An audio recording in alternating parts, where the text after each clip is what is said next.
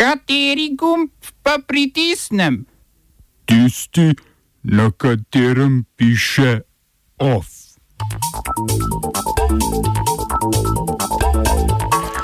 Volitve v Kirgizistanu in Kazahstanu. Parler nič več v oblakih Amazona. Tiskovna konferenca vodstva Radia Student v odgovor na pritiske šova. Policijski sindikat Slovenije je začel stavko po vsej državi.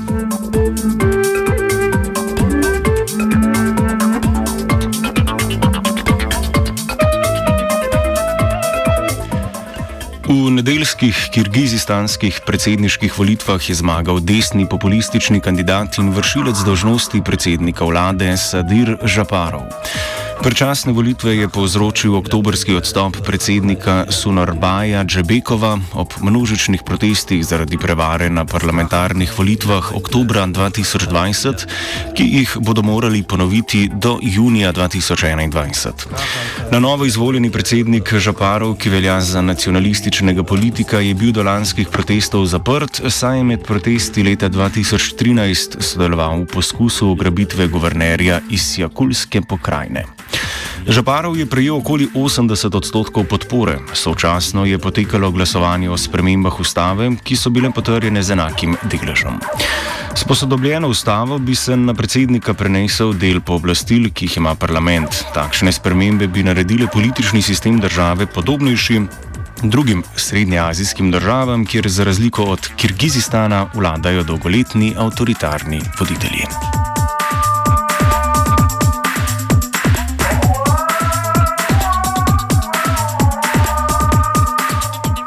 Po rezultatih usporednih volitev je na nedeljskih volitvah spodnjega doma parlamenta v Kazahstanu pričakovano zmagala vladajoča stranka Nur Otan v slovenskem prevodu Sijoče očetovstvo. Prijela naj bi dobrih 70 odstotkov glasov.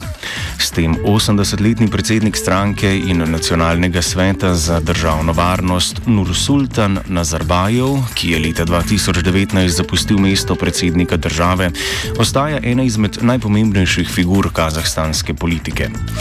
Volitve so potekale brez neodvisnih opozicijskih strank, glavna izmed teh, nacionalna socialdemokratska stranka, je namreč volitve bojkotirala.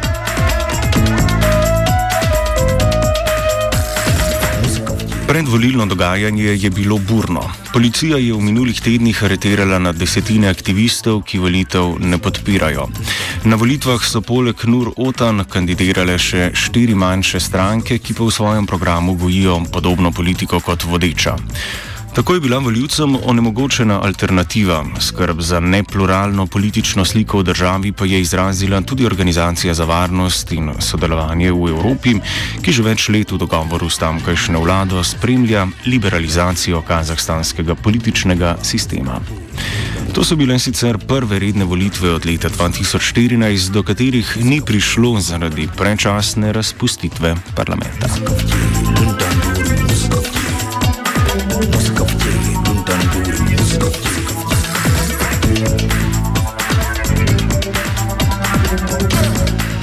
Kitajske oblasti so sporočile, da bo strokovna ekipa Svetovne zdravstvene organizacije na njihovo ozemlje prispela 14. januarja. Omenjena ekipa zdravstvenih delavcev bo raziskovala izvor in širjenje virusa COVID-19 na Kitajskem. Predhodno zavrnitev dela ekipe zaradi težav z vizami je Peking označil za nesporazum. Ni še znano, katera mesta bo strokovna ekipa obiskala in če bo med njimi tudi Wuhan, kjer so strokovnjaki prvič zaznali virus COVID-19. Prihod strokovne ekipe se upada s številnimi poskusi predstavnikov dela kitajskih medijev in oblasti, da bi domačo in svetovno javnost prepričali, da je bilo izvorno žarišče virusa izven meja Kitajske.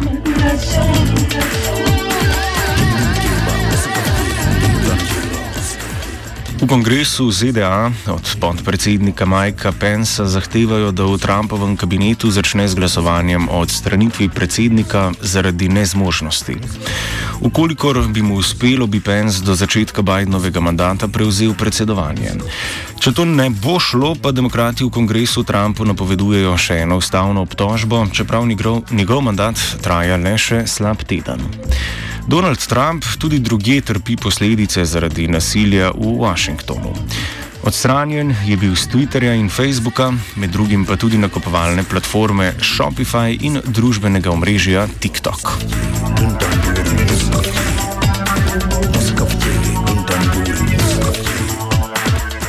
Amazon je včeraj prenehal nuditi omrežno podporo družbenemu omrežju Parler. Aplikacija je medtem že bila prepovedana tako na Appleovi kot tudi na Googlovi trgovni aplikaciji. Omrežje, ki se je do izklopa zanašalo na storitve spletne infrastrukture Amazon Web Services, je slovelo po minimalnem vplivu moderatorjev. Prav zato je privabilo visoko število članov skrajne desnice.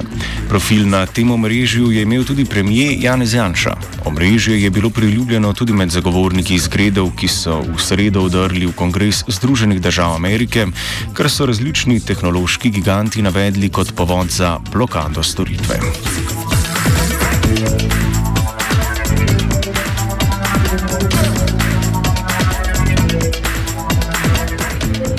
Včeraj je David Fisher, trenutni veleposlanik Združenih držav Amerike v Maroku, obiskal pristanišče Dakla, ki se nahaja na območju Zahodne Sahare.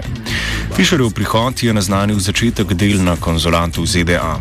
Kot je podaril sam, je z veseljem obiskal to pomembno maroško regijo, da bi v njej pričel z vzpostavitvijo diplomatske prisotnosti Združenih držav Amerike.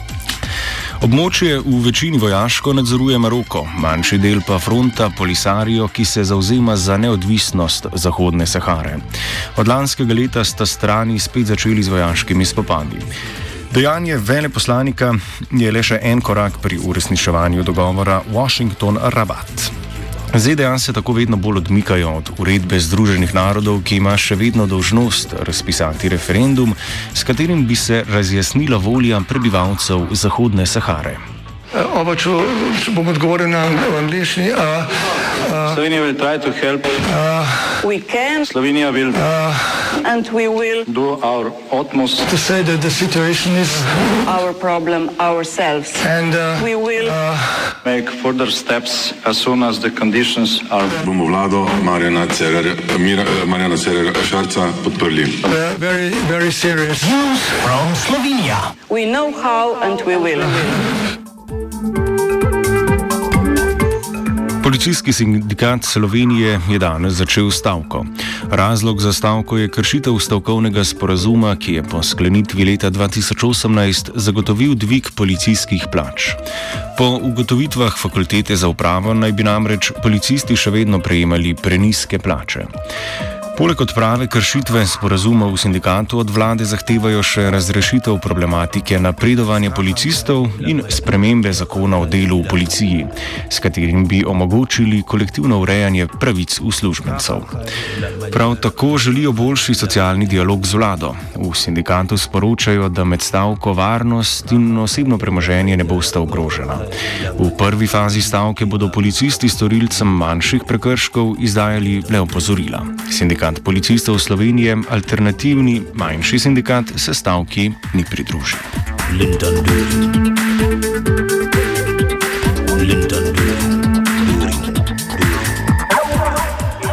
V Radencih je civilna pobuda, ki jo vodi Franc Vukajč, v soboto spet uložila pobudo za razpis referenduma glede preimenovanja Titove ceste. Gre za že tretji poskus za ustavitve spornega preimenovanja ulice, ki ga je lani začel župan Roman Leljak.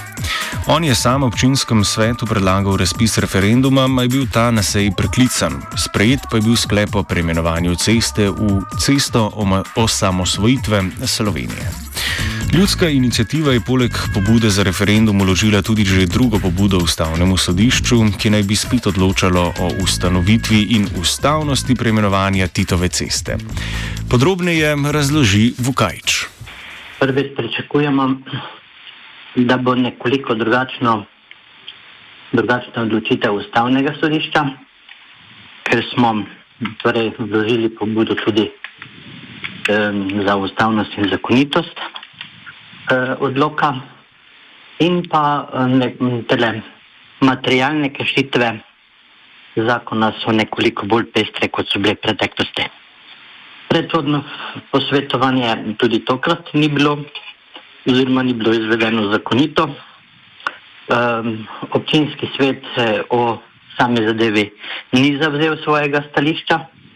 Uh, dnevni red ni bil takšen, kakršen je običajno normalen, torej ni bil naprej objavljen, ampak je bil objavljen na, same, na sami seji, kar je zopet še ena kršitev.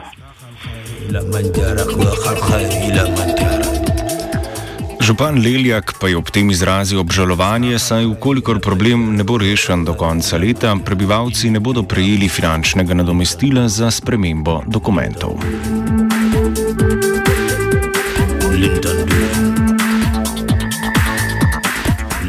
Na spletni tiskovni konferenci Radia Student je vodstvo zavoda predstavilo problematiko prekinitve financiranja strani študentske organizacije Univerze v Ljubljani. Poudarili so pomembno kulturno vlogo zavoda Radio Student, njegov zgodovinski pomen, saj obstaja že čez 50 let in dejstvo, da se na radiju vsako leto izobražuje čez 80 mladih novinarjev. Vodja financ Robert Mohorič je povedal, da sredstva, ki jih šov namenja radiju, nenehno padajo že od leta 2012. Urednica univerzitetne redakcije Hanna Radilovič pa je izpostavila, da se radio študent med redkimi mediji poglablja v socialne problematike študentov in mladine.